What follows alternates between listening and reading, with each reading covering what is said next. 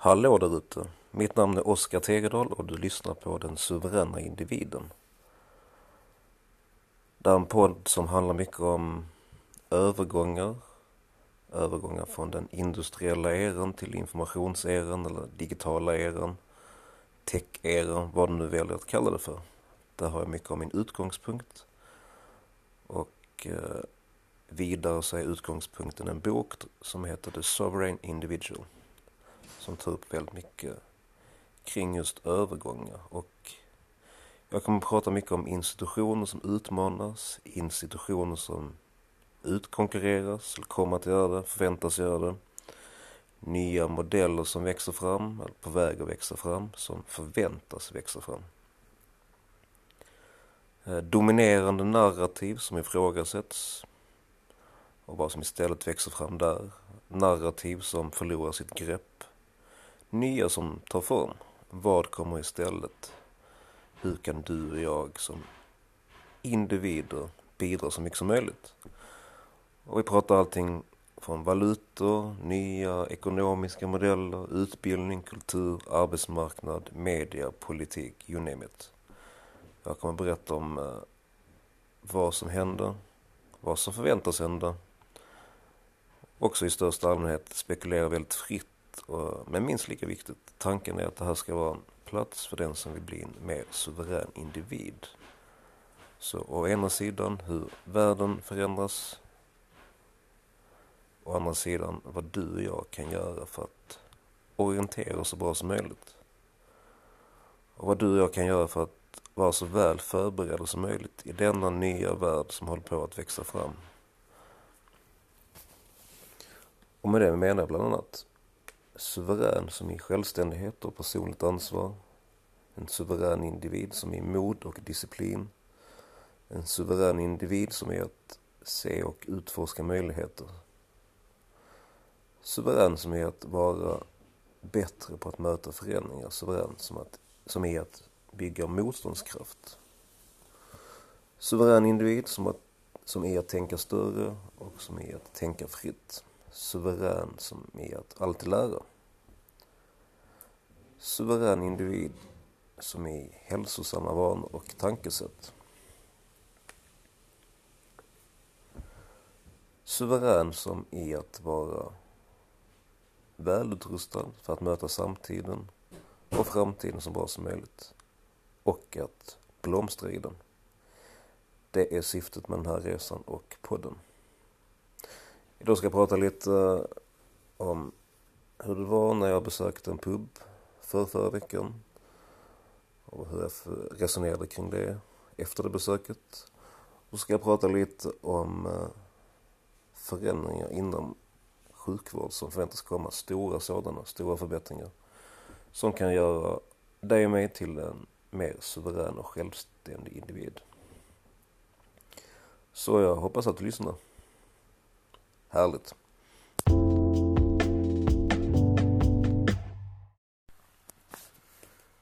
Det är lördag den 23 maj och för första gången på tre månader så hänger jag på pub. Inne på pub. Och det är första gången på nästan lika länge som jag överhuvudtaget umgås med folk inomhus. Better safe than sorry har varit mitt motto, är det i hög grad fortfarande. Men nu tappar jag omdömet. Frestelsen blir för stor efter någon öl för mycket. Men så är det också ett speciellt tillfälle. Det är väldigt roligt och välbehövligt på många sätt. En doft av eh, det normala, men samtidigt ändå långt ifrån. För inne på puben så är en viss oro ständigt närvarande. Typ, jag borde verkligen inte vara här just nu. För jag börjar jobba om fyra timmar. Samtidigt som de går och beställer en ny öl i baren. Den känslan gånger två kanske. För att inte tala om eh, dagen efter eller hela förra veckan egentligen. Jag är väldigt arg och besviken på mig själv när jag vaknar upp. och genast infinner sig en ganska så stark, eller stor ovisshet. Och oro. Kommer det komma några symptom eller? Gå och känna efter. Räkna nästan timme för timme. sen jag kom hem. Ända, jag kom, ända tills jag kom upp i, säg 60 timmar. Det vill säga två och ett halvt dygn. Det ser jag som någon slags milstolpe. För då har jag hälften kvar till det fem dygn som det vanligtvis verkar ta innan symptom ger sig till känna. Och nu idag, torsdag, elva dygn senare, ser det som att jag ser det som att faran är över nu. Okej, okay, fine. Det är som det är. Hänt har hänt. Jag vet ju utifrån data att viruset nästan bara smittar inomhus. Och att det är väldigt förtjust i barmiljöer, restauranger och mycket annat som är kul. Och jag tänker, vad måste hända för att jag ska slippa uppleva samma sak igen? ja, det enklaste är ju att stanna hemma, eller stanna hemma för gott. Skämt åsido. Uh, undvika den typen av miljöer över överskådlig framtid, det vill säga inomhus. Uh, dricka öl inomhus, restaurang inomhus, allt sånt. Ja. Åtminstone i sommar är det väldigt lätt att undvika. Men samtidigt, hur hållbart är det i längden då? Det sociala betyder ju massor för vårt välmående. Så hur kan vi göra det säkrare? Tänker vi nu här i sommar, några idéer. Uh, att restauranger och pubbar, att, uh, att de får lite andra spelregler att jobba med. Att man kan expandera och utöka sin eh, uteservering i det fall det är möjligt. Så att det kanske sträcker sig ut i på torg, på, i parker, på stranden. Det har det varit någonting. Man kan också tänka sig eh, ölträdgårdar alla Tyskland. Och jag har också sett exempel på eh, att man tillåter i Vilnius i Litauen restauranger att flytta ut på ett stort torg där. Och det verkar ha en viss eh, psykologisk effekt på, på gäster. Man känner sig säkrare helt enkelt. Man kanske till och med kan tänka sig någon form av restaurangupplevelse. I skogen eh, med foodtrucks så ska det ju inte vara något hinder egentligen. Låt kreativiteten flöda. Låt verksamheterna få större frihet eh, och öka deras möjligheter till överlevnad. Men sen då, framåt höst och vinter? finns ju en del saker man hade kunnat göra redan nu. Kanske. Och då tänker jag på saker som jag har sett i, på andra håll. Och det kan vara allting från feberkoll innan du släpps in på en restaurang. Du kan ha munskydd eh, på inne i restaurangen. Alltså i köer, när du går på toaletten och liknande. Ja, när du lämnar bordet helt enkelt. Att du måste ha en ventilation som fungerar. Eh, du kan bygga upp slags båsliknande konstruktioner så du får bättre skydd mellan, mellan bord och sådana saker. Alltså basic eh, grejer för att öka trygghetskänslan. Utan den, det vill säga trygghetskänslan, blir det nog väldigt svårt för branschen i stort att återhämta sig. Och för många, många fler än vi hittills sett redan att överleva. Och dit vi någonstans vill komma kan jag testa mig själv hemma och kommunicera svar till exempelvis restauranger och barer. Dit vill vi komma och inte alls omöjligt vill jag hävda att så kan komma att ske relativt snart.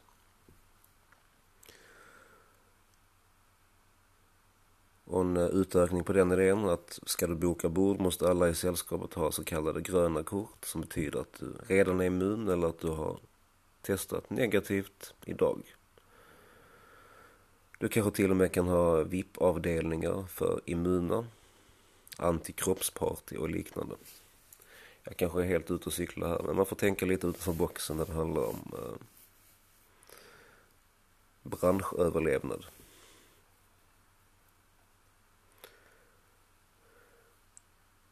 hur som helst, vi får se hur det utvecklar sig.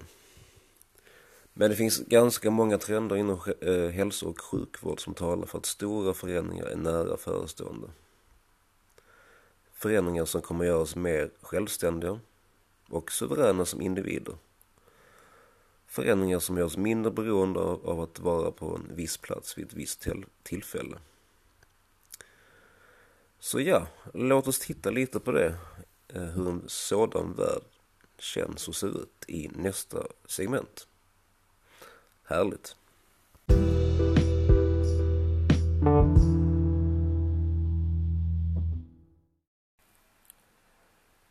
Vi börjar med lite coronarelaterade saker tänkte jag.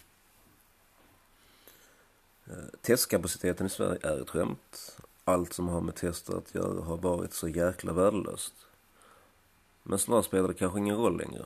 För snart kanske du kan eh, göra det hemma. Sådana tester är i alla fall under utveckling och det finns en förhoppning om att dessa kan nå marknaden ganska så snart. Testa dig själv, testa din familj. Varje dag, enkelt att använda, billigt och du kan få svar inom 10 15 minuter. Lite som ett graviditetstest eller HIV-test. Antikroppstester är också under utveckling, det vill säga sådana som du kan göra där hemma. Eller testa det vad som helst antar jag. Och samma sak där, du kan få svar inom några minuter och bör vara tillgängligt relativt snart. Också inom kort eller relativt kort, då kanske vi pratar mer nästa våg, nästa utbrott eller vad det nu blir. Då kanske du har hörlurar som kan kolla blodets syresättning i realtid. Hörlurar som mäter din eh, kroppstemperatur eh, och mäter din puls. Och problem med just syresättning för personer med eh, covid-19 visar tydligt på vilket behov hörlurarna kan fylla. Låg syresättning är en viktig faktor som kan, eller som verkar vara direkt avgörande för om du, får, om du ska få sjukvård eller ej. Och väldigt viktigt att själv kunna ha koll och upptäcka så tidigt som möjligt. Det finns ett företag som har utvecklat en ultraljudsscanner som du kan använda i hemmet. Den kan eh, kopplas till din smartphone och den tar en bild som, som delas med din läkare. Läkaren kan guida dig samtidigt som han eller hon ser bilden komma upp. Ett område som man är särskilt hoppfull det gäller spårning av förändring i lungornas utseende som uppstår i samband med covid-19 och eh, lunginflammation. Och det var det coronarelaterade. Om vi pratar lite mer rent allmänt om sjukvård och var vi är på väg. En helt ny terräng är på väg att växa fram.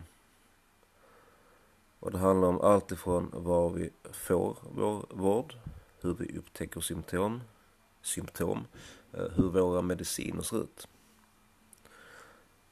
Vilka sjukdomar som kan botas och förhindras. Och ja, det handlar mycket om att vården kommer röra sig mot oss, komma till oss. Mindre att vi måste komma till vården. Till sjukhus, vårdcentral och så vidare. Också mer att vi möts på halva vägen på en plats som kanske inte är sjukhus eller vårdcentral. Det är en tydlig övergripande trend.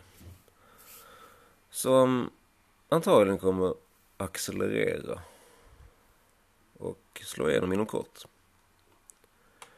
Och detta på grund av att ganska så avancerad teknologi är på väg in i sjukvårdssystemet. Som artificiell intelligens, big eh, data och så vidare.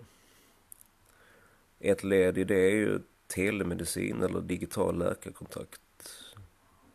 Är verkligen här för att stanna och en slags tillbakagång på sätt och vis till en tid då läkaren besökte dig i hemmet.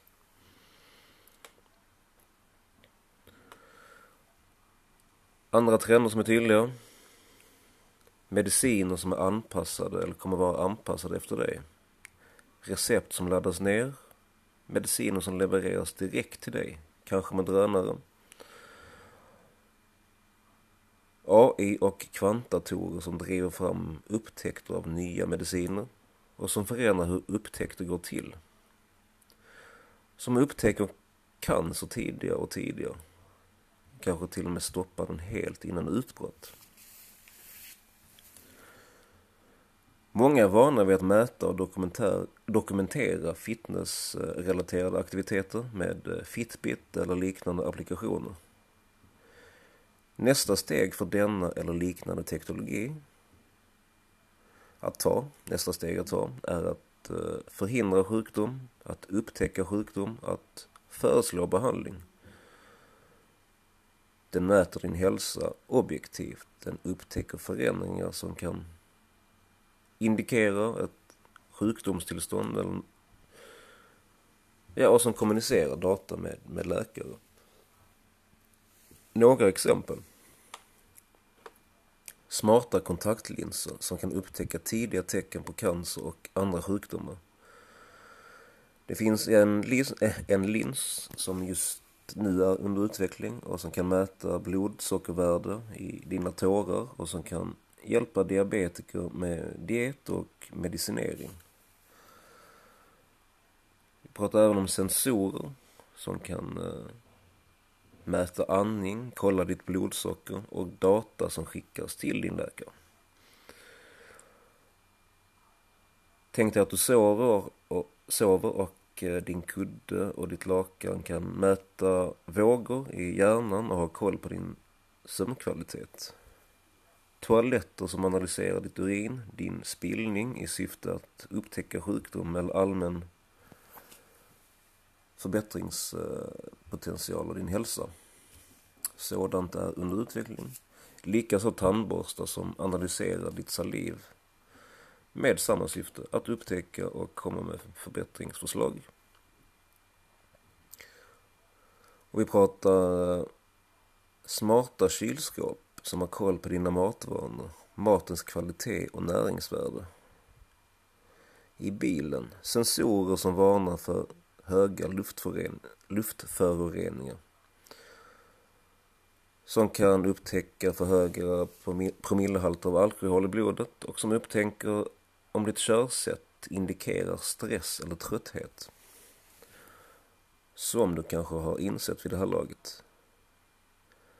Regelbunden insamling av data är nyckeln, kommer vara nyckeln för kontinuerlig förbättring av din hälsa. Vi kan se det här lite som ett smakprov. För vi, eller jag, kommer återkomma till hälsa och sjukvård. Mer specifikt eh, hur vi kan förlänga vår livslängd ganska så radikalt. Liknande ämnen i framtida avsnitt. Men det var allt jag hade för idag. Ha det gött. Hej!